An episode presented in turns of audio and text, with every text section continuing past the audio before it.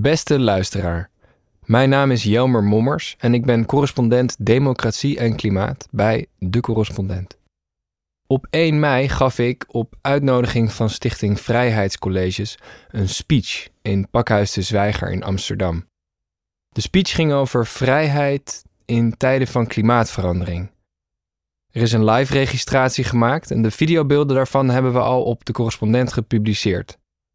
Als u die wilt zien, ga dan naar core.s vrijheid. Maar de kans is groot dat u dit nu hoort omdat u liever luistert dan kijkt. Dus voor iedereen die onderweg is of de was aan het doen is, hier komt hij.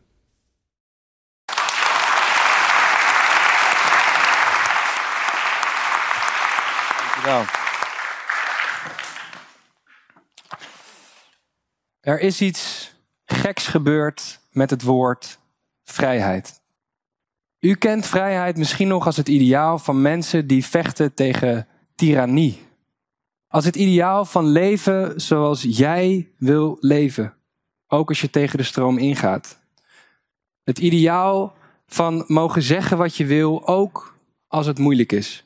Vrijheid als een heroïsch ideaal.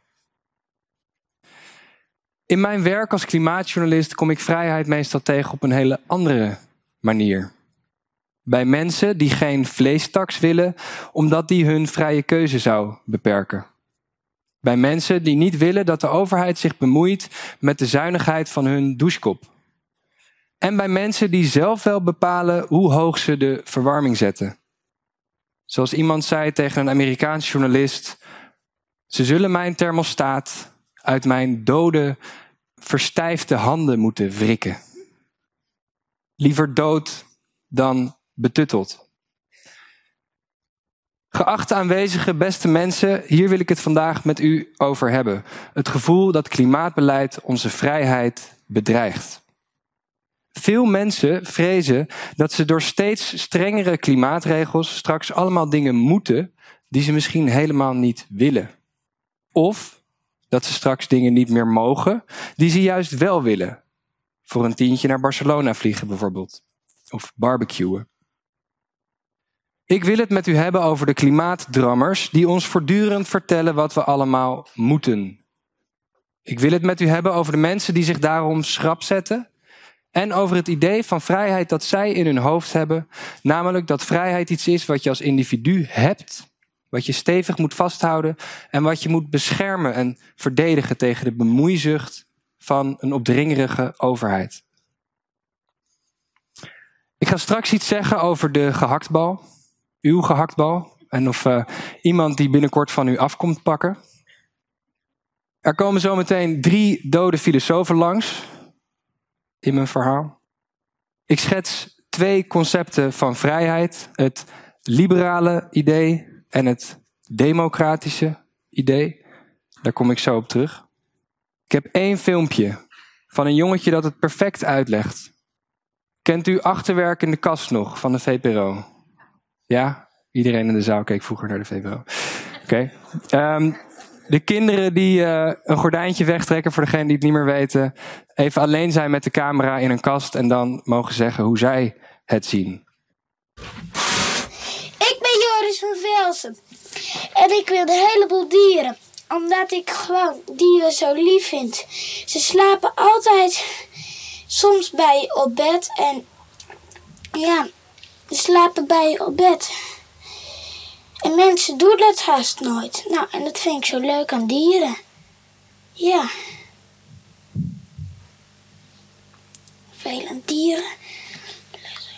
Ja, en ze zeggen niet van, nou geen snoepje meer, nou dat niet, en nou zus niet, nou zo niet. Nou, dat vind ik leuk aan dieren. En ze zeggen niet, nou moet je tanden gaan poetsen, nou moet je nou moet je dat gaan doen. Nou dat, nou dat. Dat vind ik zo leuk aan dieren. Nou, ja. Daarom wil ik dieren. Ja. Ja, hij heeft wel gelijk. Het is ook vervelend om dingen te moeten. Mensen zijn liever vrij om zelf te bepalen. En dat is niet kinderachtig. Dus daar gaan we het ook over hebben. Wat het betekent om zelf te bepalen hoe we op klimaatverandering willen reageren. Met z'n allen. Als samenleving, als democratie. Mijn eigen interesse in vrijheid begon een jaar of twaalf geleden in de collegebanken tijdens mijn studie filosofie. Ik was toen een tijdje in de ban van de Deense filosoof Søren Kierkegaard. En Kierkegaard was een filosoof van de vrijheid. En hij begon zijn filosofie bij de individuele ervaringen van de mens, bij zijn emoties. Kierkegaard beschreef hoe angst mensen bewust kan maken van hun vrijheid. Hij vergeleek het met de duizeling die je kunt voelen wanneer je in een diepe ravijn kijkt. Het is doodeng dat je erin kunt vallen, maar wat misschien nog wel enger is, is dat je je erin kunt laten vallen. Die ervaring van vrijheid is voor Kierkegaard een aanwijzing dat niet alles vast ligt. Hij geloofde dat mensen keuzes kunnen maken over hun leven en hij geloofde dat vernieuwing en verandering mogelijk zijn, omdat mensen kunnen kiezen wat ze echt willen. Ik was in die tijd ook wel gecharmeerd van Immanuel Kant, de verlichtingsfilosoof die elke dag om stipt vijf uur precies hetzelfde wandelingetje maakte en die zo ijskoud rechtlijnig was dat het een stretch is om hem charmant te noemen. Maar Kant had wel iets moois te zeggen over vrijheid. Hij geloofde dat mensen vrij zijn om zichzelf de morele wet op te leggen. We reflecteren op de wereld om ons heen we vragen ons af wat het juiste is om te doen en dan kunnen we kiezen dat te doen. Dat was vrijheid voor Kant, autonomie, jezelf de wet opleggen. En natuurlijk las ik over vrijheid van John Stuart Mill. Hij werd bekend als een van de grondleggers van het liberalisme. Het liberalisme, de politieke ideologie, die zweert bij maximale individuele vrijheid. Het doel van die vrijheid was in de ogen van Mill niet dat mensen een comfortabel leventje konden leiden. Het was niet financiële onafhankelijkheid, een eigen huis, een auto voor de deur en een grijze hoekbank. Nee. Individuele vrijheid was voor Mill een instrument van de vooruitgang. Alleen vrije mensen konden maximaal experimenteren met de beste manieren om te leven en zo de mensheid als geheel vooruit helpen. Kierkegaard, Kant en Mill zijn totaal verschillende filosofen. Maar ze hebben iets gemeen. Zij zien vrijheid als iets spannends. Vrijheid is voor hen een ideaal dat samenhangt met vernieuwing en met moraliteit. Vrijheid stelt ons in staat te veranderen, onszelf te verheffen, te doen wat we echt belangrijk vinden, wat we echt willen. Vrijheid betekent morgen hoeft niet hetzelfde te zijn als vandaag. Morgen hoeft niet hetzelfde te zijn als vandaag. Dat gevoel van hoop, van mogelijkheid, dat wil ik met dit verhaal weer bij u oproepen. Het is een gevoel dat ik vaak mis. Ik stopte tien jaar geleden met mijn studie filosofie om journalist te worden. Ik ging me bezighouden met klimaatverandering en de energietransitie. En van dat spannende vrijheidsideaal zag ik nooit meer iets terug. Ik kwam vrijheid in het publieke debat eigenlijk alleen nog tegen bij mensen die niet betutteld wilden worden en bij opiniemakers en politici die wilden dat alles hetzelfde blijft. Zij hadden het nog steeds over individuele vrijheid als het hoogste goed net als Mill. Maar van zijn verhaal over vernieuwing en verandering was nog maar heel weinig over. Individuele vrijheid ging nu vooral over het verdedigen van verworvenheden. Het ging over het bevorderen van marktwerking en over het inperken van de macht van de staat. Op links hoorde ik dat, maar vooral op rechts. Wij laten u met rust. Wij pakken u niets af. U kunt uw gehaktbal gewoon blijven eten. Als het over klimaat gaat, speelt het woord vrijheid maar één rol. Het is een argument tegen stevig ingrijpen. Prima, zeggen Nederlanders die niet houden van betutteling. Prima als de overheid warmtepompen subsidieert. Maar verplicht van het gas af? Dat is dwingelandij, dat is drammen. Dat is te stevig ingrijpen in de individuele vrijheid van huiseigenaren. Het moet wel leuk blijven. Vrijheid wordt in het klimaatdebat dus op een totaal andere manier ingezet dan ik tijdens mijn studie had leren kennen, als een conservatief ideaal. Deze vrijheid is platgeslagen, voorspelbaar. Deze vrijheid is niet spannend, maar meer van hetzelfde. Het is een schild van de status quo, een excuus om alles bij het oude te laten. De enige mensen die nu nog met een beetje revolutionaire verven over vrijheid praten zijn complotdenkers. Zij geloven dat de elite samenzweert om het volk zijn vrijheid af te pakken. 100.000 Nederlanders geloven dat. Of het nou over corona, stikstof of klimaat gaat, zij roepen op om in verzet te komen tegen welke vrijheidsbeperkende maatregel dan ook. Ze keren zich niet alleen tegen beleid in het publieke belang, maar ook in toenemende mate tegen de democratische overheid zelf. Dat is wel spannend, maar niet op een goede manier. Zoals de aanwezigheid van een pyromaan wel spannend is, maar niet op een goede manier. Ik wil dat vrijheid weer een spannend en een progressief ideaal wordt. Een ideaal dat we aanroepen als we ergens voor zijn. Een ideaal dat samenhangt met durf, innovatie, verheffing, vernieuwing en verandering en vooruit met wat heroïek. Een ideaal dat zegt, mensen hebben de mogelijkheid hun eigen toekomst te kiezen. Wij kunnen ontsnappen uit dit fossiele tijdperk. We kunnen toegroeien naar iets duurzaams. Morgen hoeft niet hetzelfde te zijn als vandaag.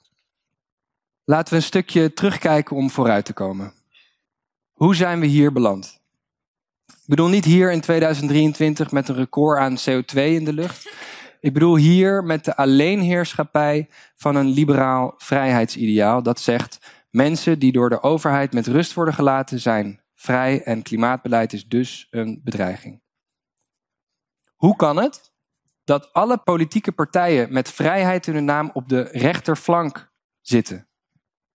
Hoe kan het dat je leuzen over vrijheid vaker tegenkomt in all-you-can-eat sushi-restaurants dan in de verkiezingsprogramma's van linkse partijen? All you can eat, doe waar je zin in hebt, leef je leven, zorg dat je onafhankelijk bent, ken geen grenzen en laat vooral niemand je een beperking opleggen. Hoe kwamen we hier? Een duik in de geschiedenis laat zien dat het liberalisme altijd al conservatief was. Al vanaf de opkomst van de eerste liberalen in de 19e eeuw draaide het om behoud en met rust gelaten worden. Dat leerde ik van Annelien de Dijn. Zij is historicus en ze schreef een fantastisch boek over de geschiedenis van het westerse politieke denken over vrijheid.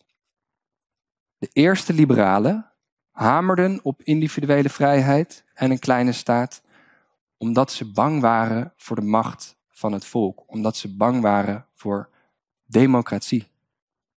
Waarom? Nou, ze waren geschrokken van een aantal gebeurtenissen eind 18e eeuw. In 1776 hadden de Verenigde Staten zich onafhankelijk verklaard van Groot-Brittannië. Er waren revoluties uitgebroken in Frankrijk, Polen en Nederland. Monarchieën werden omvergeworpen uit naam van de vrijheid. De revolutionairen wilden niet meer onder het juk van een koning leven. Ze stichtten republieken, waarin een deel van het volk invloed kreeg via afgevaardigden in het parlement. In Frankrijk werd er werk gemaakt van economische herverdeling. De eerste liberalen vonden dit alles nogal link. En ze vonden het al link voordat de Franse revolutie ontaarde in een moordpartij. Ze waren namelijk bang dat het volk te veel macht zou krijgen. Er zou een tirannie van de meerderheid dreigen.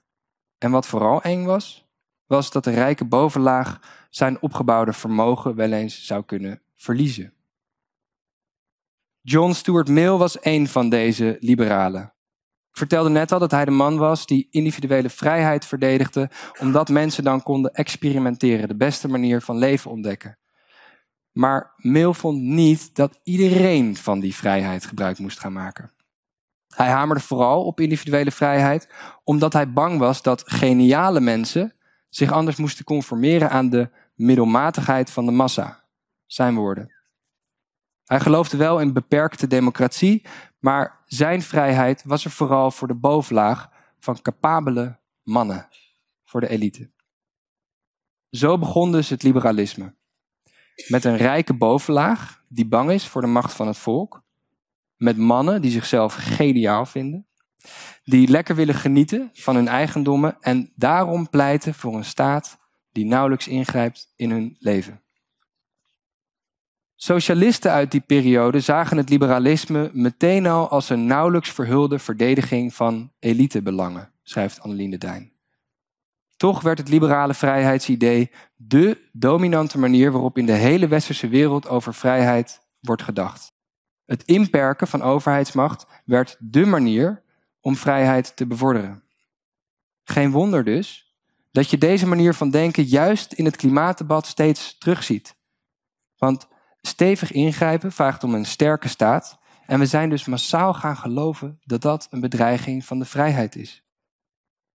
De mensen die hun gehaktbal en hun thermostaat angstvallig vasthouden, doen wat de eerste liberalen ook al deden. Ze gebruiken het ideaal van vrijheid om te zeggen: laat me met rust. Maar er is meer. Want na de liberalen kwamen de neoliberalen, halverwege de vorige eeuw. Neoliberale denkers als Milton Friedman en Friedrich Hayek deden alsof ze hele toffe nieuwe ideeën hadden, maar ze gingen in feite gewoon door op dezelfde lijn als de oude liberalen. Individuele vrijheid voorop, overheidsmacht beperken. Ze voegden ook iets nieuws toe. Vrije keuze. Kunnen kiezen uit heel veel verschillende producten.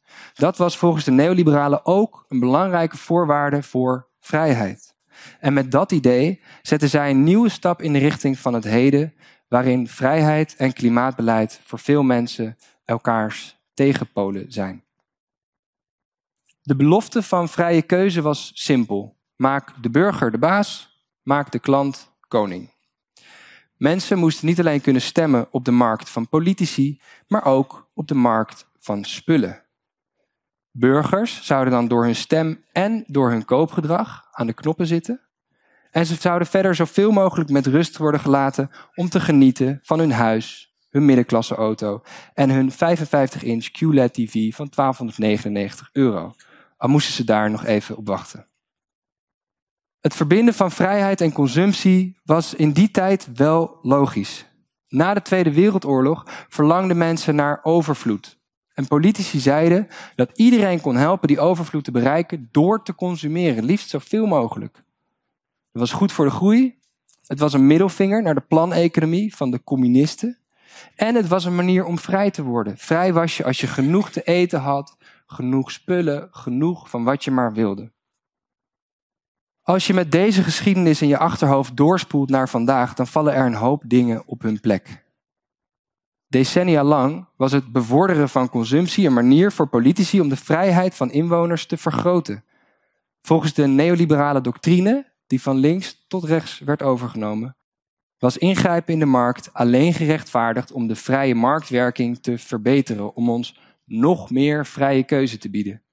Consumptie zou ons bevrijden. Geen wonder dus dat ieder voorstel om iets aan overconsumptie te doen nu sneuvelt. Geen wonder dat politici het niet aandurven. Vlees duurder maken, dat is onvrijheid.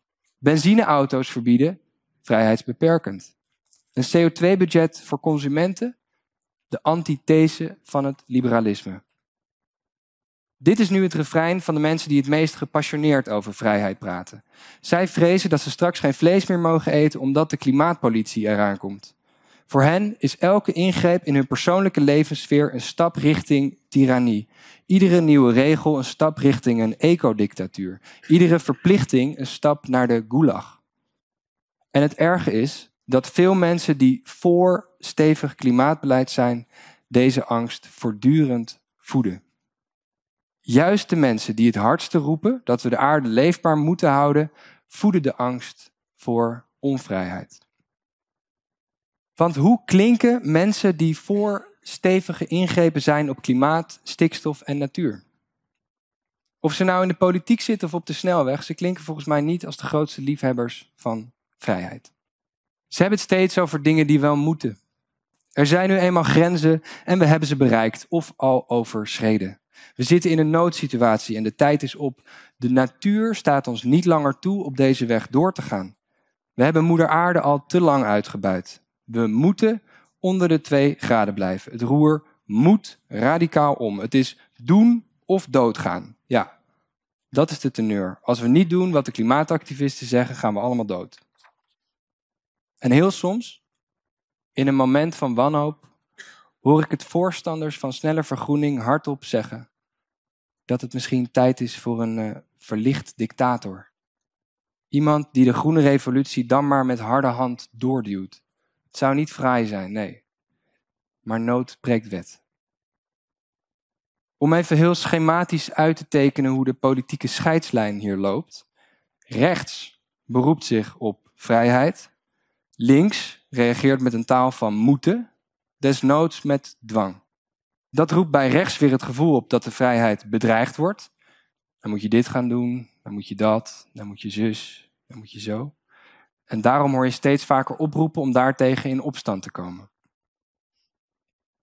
Kijk naar het stikstofdebat en de recente provinciale statenverkiezingen. Als het over stikstof gaat, is het liedje vanuit de regering al heel lang hetzelfde. We hebben geen keus. Het is niet leuk. Het is niet leuk, maar er zijn nu eenmaal Europese afspraken over natuurgebieden. De stikstofuitstoot schaadt de natuur. Daar moeten we iets aan doen. Het moet van de rechter, het moet van de wetenschap, het moet van de modellen, de berekeningen en het regeerakkoord. Het kan niet anders. En toen kwam Caroline van der Plas, die zei: Als je op de BBB stemt, dan kan het wel anders. We kunnen ook proberen onder die stikstofregels uit te komen. We kunnen de natuur ook op een andere manier sparen en boeren ontzien. De BBB werd, zoals u weet, de grootste.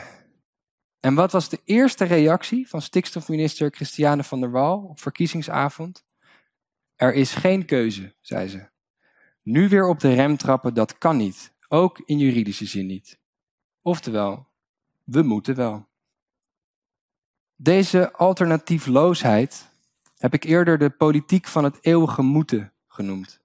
Het is een graat in de keel van iedereen die houdt van zijn vrijheid. En u kunt zich wel voorstellen hoe dit uit de hand kan lopen. Het ene kamp vindt de democratie een veel te langzaam bestuursmodel in tijden van crisis. Het andere kamp vindt nu al dat de overheid steeds onderdrukkender optreedt. Eén kamp lijkt bereid de nodige ingrepen af te dwingen, het andere komt daartegen in verzet.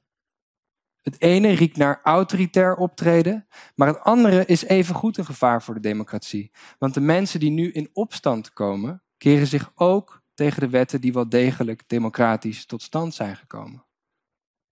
Zo komt de rechtsstaat zelf onder druk te staan van twee kanten die elkaar telkens verder versterken.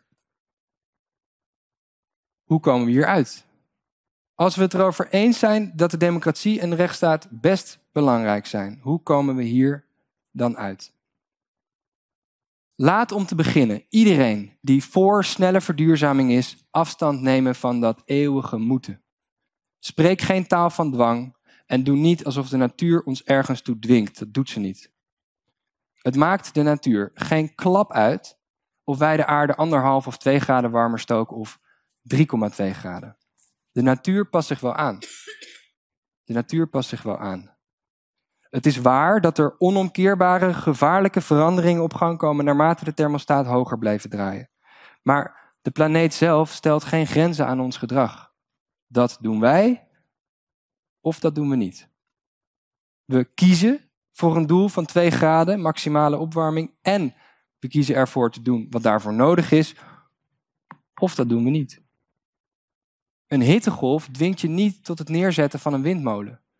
Je kunt ook een airconditioning aanschaffen. Er zijn altijd alternatieven. Het is een kwestie van politiek, het afwegen van belangen op korte en lange termijn hier en elders. Waar we de planetaire grenzen trekken is dus een politieke keuze.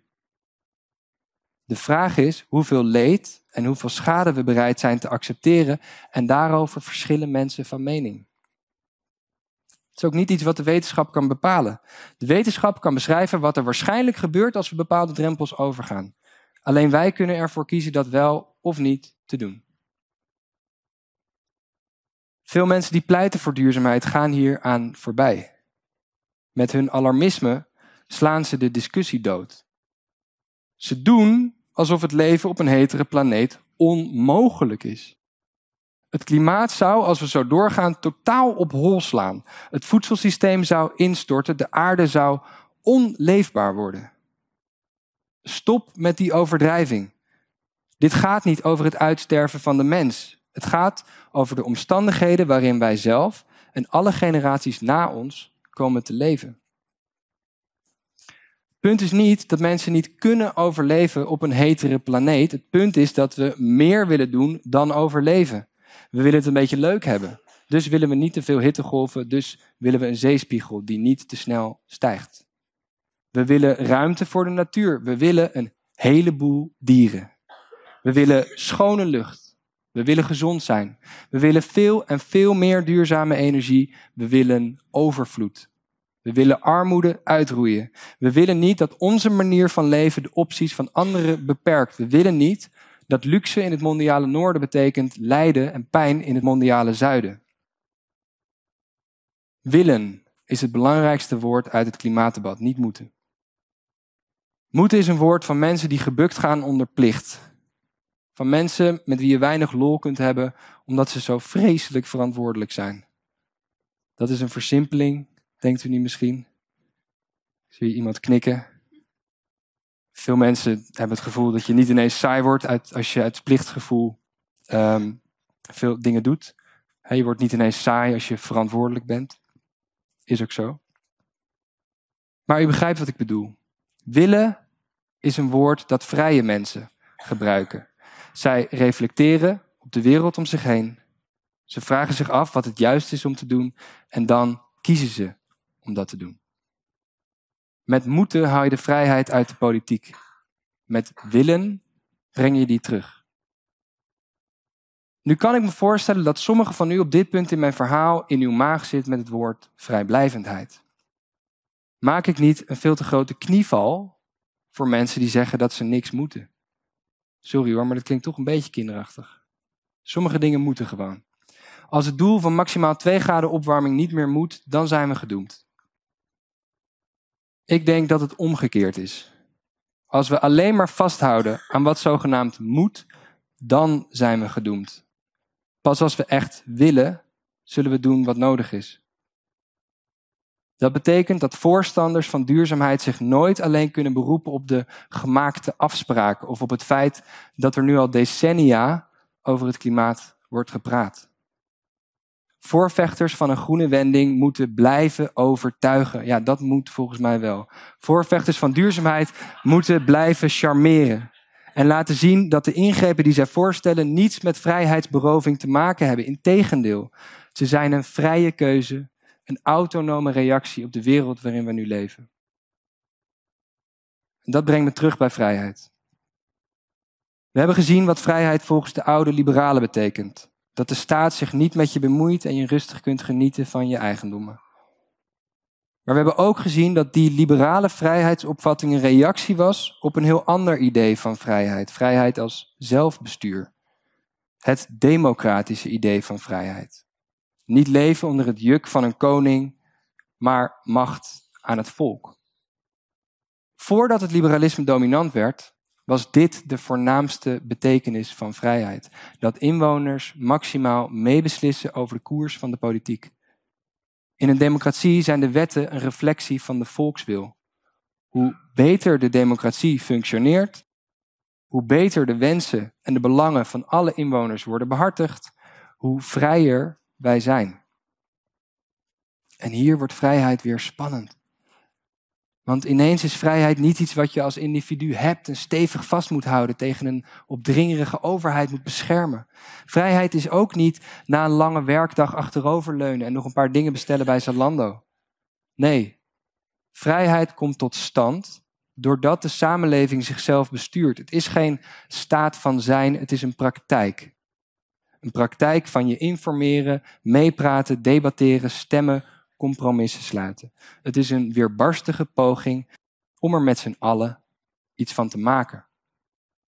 Dat doen we toch nu ook al? Al dat weerbarstige gedoe? Ja, dat doen we nu ook al.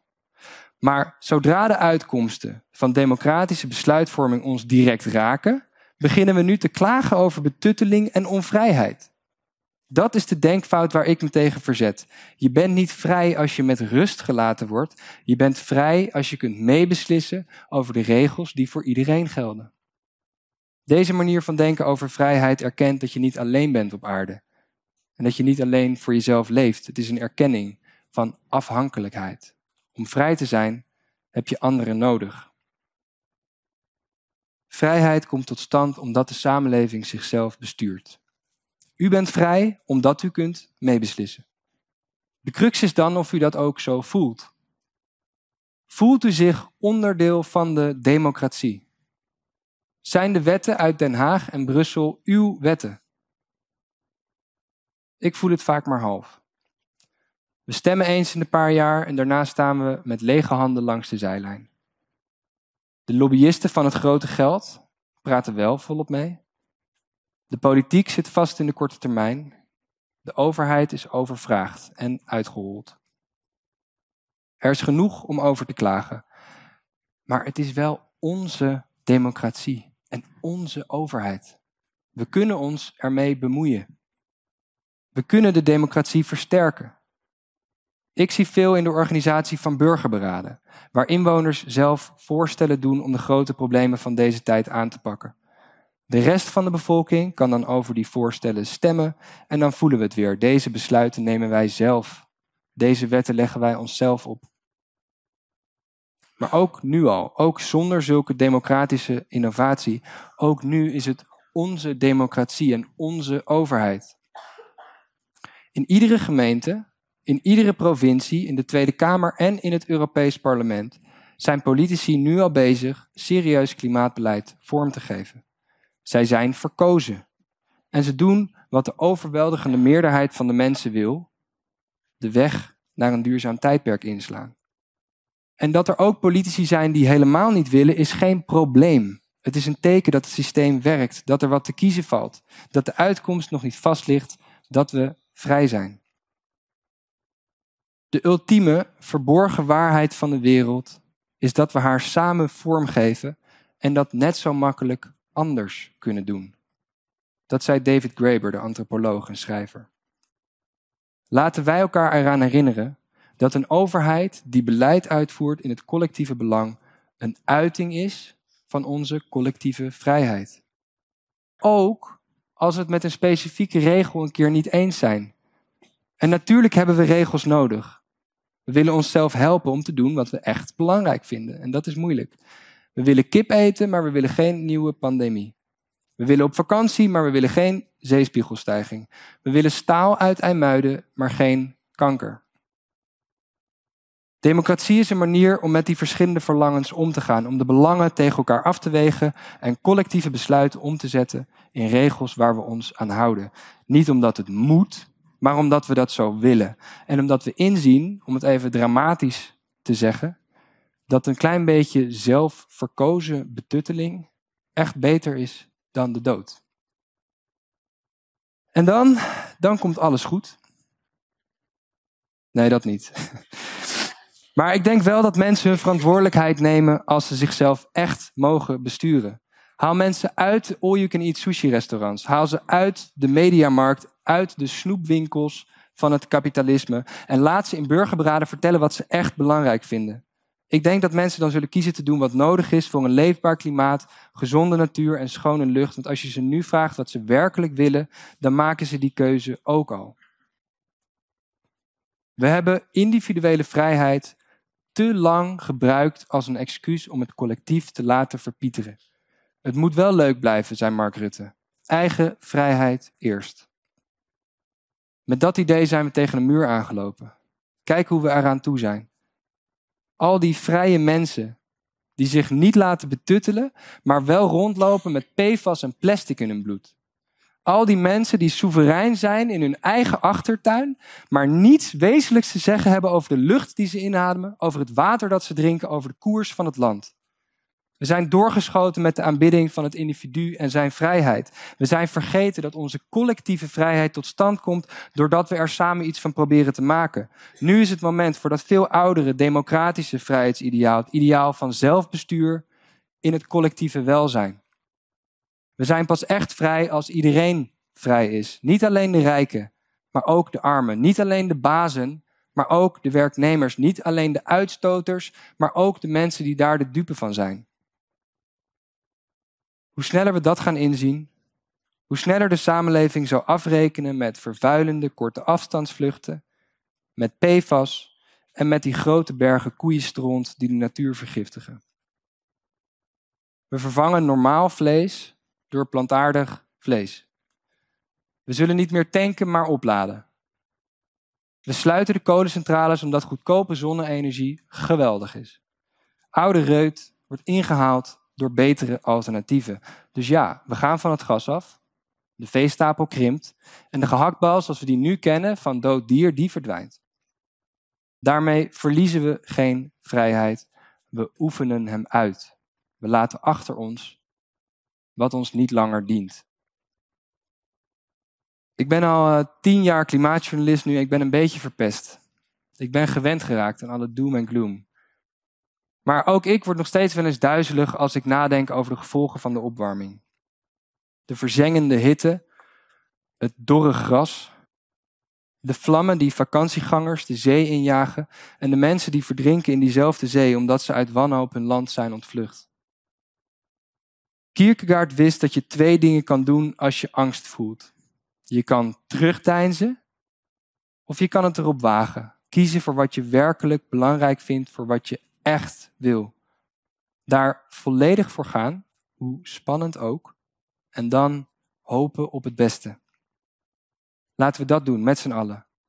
Morgen hoeft niet hetzelfde te zijn als vandaag, omdat mensen in een democratische samenleving zelf kiezen hoe morgen eruit ziet. Dank jullie wel.